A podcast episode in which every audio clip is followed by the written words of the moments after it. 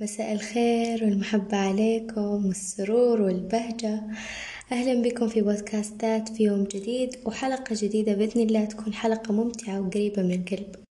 عدت إليكم بعد انقطاع يعتبر طويل صراحة بالنسبة لي. اشتقت صراحة أتكلم وأعبر عن أفكاري ومشاعري وطبعا كالعادة يعني.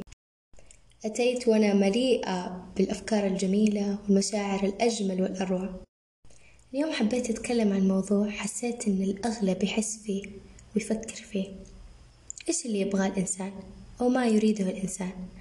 دائما الإنسان في أعماقه يبحث عن أماكن وأشخاص ترتاح لها روحه ويألفها قلبه ويطمئن بوجود هالأشخاص أو بوجود هالأماكن. لذلك أنا حبيت أتكلم عن هذا الموضوع اليوم وكيف إن أحيانا الطمأنينة هذه أو الراحة هذه ممكن قد لا نجدها مع الأشخاص المقربين. الأكيد إن إحنا لما ما نلاقي هذه الطمأنينة مع أشخاص المقربين ممكن يسبب لنا عوائق وممكن ننزعج من هذا الموضوع وما نتقبله. فدائما في جزء من حياتنا ما نرتاح له أو ما نتقبله وقد يكون هذا الجزء أشخاص مقربين من العائلة. ولكن يبقى ضروري مرة نقدرهم ونحترمهم حتى لو كنا مو مرتاحين بوجودهم. الأهم نقدر فكرة التواصل فيما بيننا وصلة الرحم. يعني لما نفكر إن هذا الموضوع عليه أجر خصوصا لما الأشخاص اللي أمامنا ممكن أصلا ما يواجهونا بنفس الاحترام أو بنفس التقدير أو ممكن ننزعج من أفكارهم ننزعج من طريقة تصرفاتهم. من إحنا نفكر زي ما قلت إن الموضوع هذا مجرد صلة رحم ولازم إحنا نحترم هذا الشيء ونقدره. هذا الشيء بيخف علينا كثير وأنا متأكدة من هذا الشيء.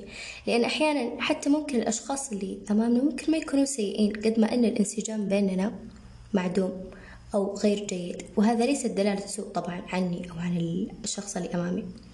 فقط فكرة الانسجام إن هو بيكون أفضل مع أشخاص آخرين وأنا أيضا بكون أفضل مع وجود أشخاص آخرين. لكن قبول فكرة وجودهم قبول فكرة التواصل اللي بيننا ضروري جدا عشان إحنا ما نتعب ونرتاح. خصوصا أن هذه طبيعة الحياة وجود الاختلافات بيننا كأشخاص وكبشر. وأنا دائما أتكلم عن موضوع الاختلاف لأن فترات طويلة أنا كنت أواجه صعوبة بإني أتقبل اختلاف الأشخاص اللي حولي أو أتقبل طبيعتي كشخص إنها تكون مختلفة عن اللي حولي. فدائما كنت أواجه صعوبات لما أطرح أفكاري أو لما أسمع أفكار اللي أمامي. كنت ما أحب أبين إني أنا مثلا منزعجة أو ماني مرتاحة في هذه في اللحظة من اللي قدامي.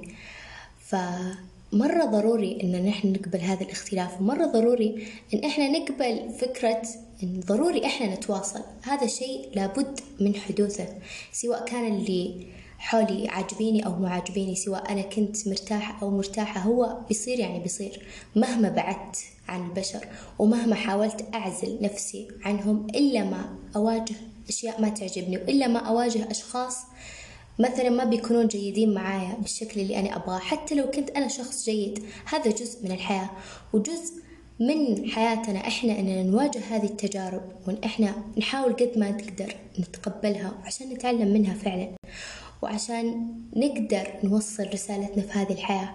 والأكيد ضروري نتذكر دائما أن الحياة مؤقتة والعلاقات مؤقتة وحتى دائرة المقربين هذه مؤقتة. فكل شيء أنا يزعجني أو ما أرتاح بوجوده هو مؤقت. فأنا أحاول في هذه الحالة أني أكون إنسانة جيدة أو إنسان جيد قد ما أقدر أني أتقبل وأعطي وأستمتع.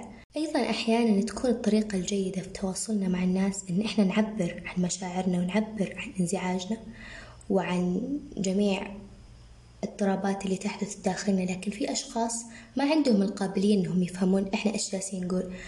ممكن شخص قدامي أقول له مثلا والله أنا تضايقت من تصرفك في اللحظة الفلانية بيقول لي أصلا أنت كذا وكذا وكذا وكذا وكذا وبيجلس يرمي وبيجلس يهاجمني. فالأشخاص من هذا النوع ما ينفع إحنا نعبر لهم عن مشاعرنا بالطريقة الهادئة اللي ممكن لو شخص حكيم ثاني كان ممكن بيفهمني بيقول إيوه صح أنا غلطت بحقك وهكذا. لكن في أشخاص زي ما قلت ما عندهم قابلية إن يفهمونا ففي هذه اللحظة أنا يا إني أجلس معهم أتكلم وأستمتع و أو إني باختصار أتجاهل وأحاول قد ما أقدر أتقبل الوضع الحالي والتجاهل طبعا مو إني أكتم بداخلي لا في كثير طرق أقدر أتخلص فيها من المشاعر السيئة وأقدر أتخلص فيها من انزعاجي كبشر. وأيضا فكرة إني أركز على الجانب الإيجابي دائما. أنا ما أحب أجيبها من ناحية يلا أركز على الجانب الإيجابي وأنا أصلا متضايق في هذه اللحظة لا بالعكس أنا ما أطلب منك كشخص إنك تفكر بالجانب الإيجابي وتتصنع شعور مو شعورك. هذه طريقة جدا سيئة وأنا بنفسي يعني جربتها لفترة طويلة. اكتشفت إنها فعلا طريقة ما منها أي فائدة أبدا لي ولا اللي حولي أصلا.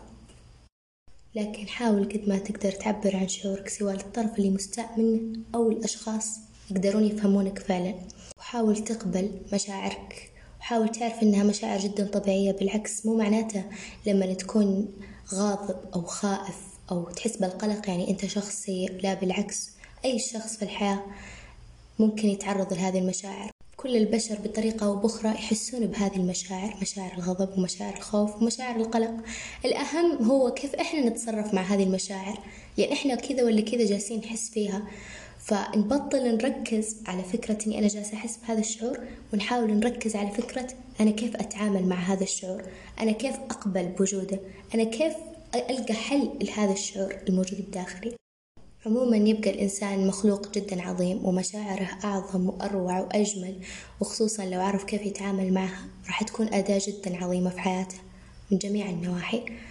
فأتمنى لكم المزيد والمزيد والمزيد من التطور وأتمنى لكم كل الحب وكل البهجة وأتمنى لكل شخص يوصل للقبول اللي يبغاه. وشكرا لكم على استماعكم لحلقتنا لهذا اليوم. إن شاء الله تكون حلقة خفيفة لطيفة عليكم. وعلى رغم أن في كلام كثير أنا دائما أقوله إلا أني من جد أحب وأبغى أنه يوصلكم وتستشعرون وتفهمون لأنه من جد طالع من قلبي أكثر من أنه مجرد كلام. شكرا لكم.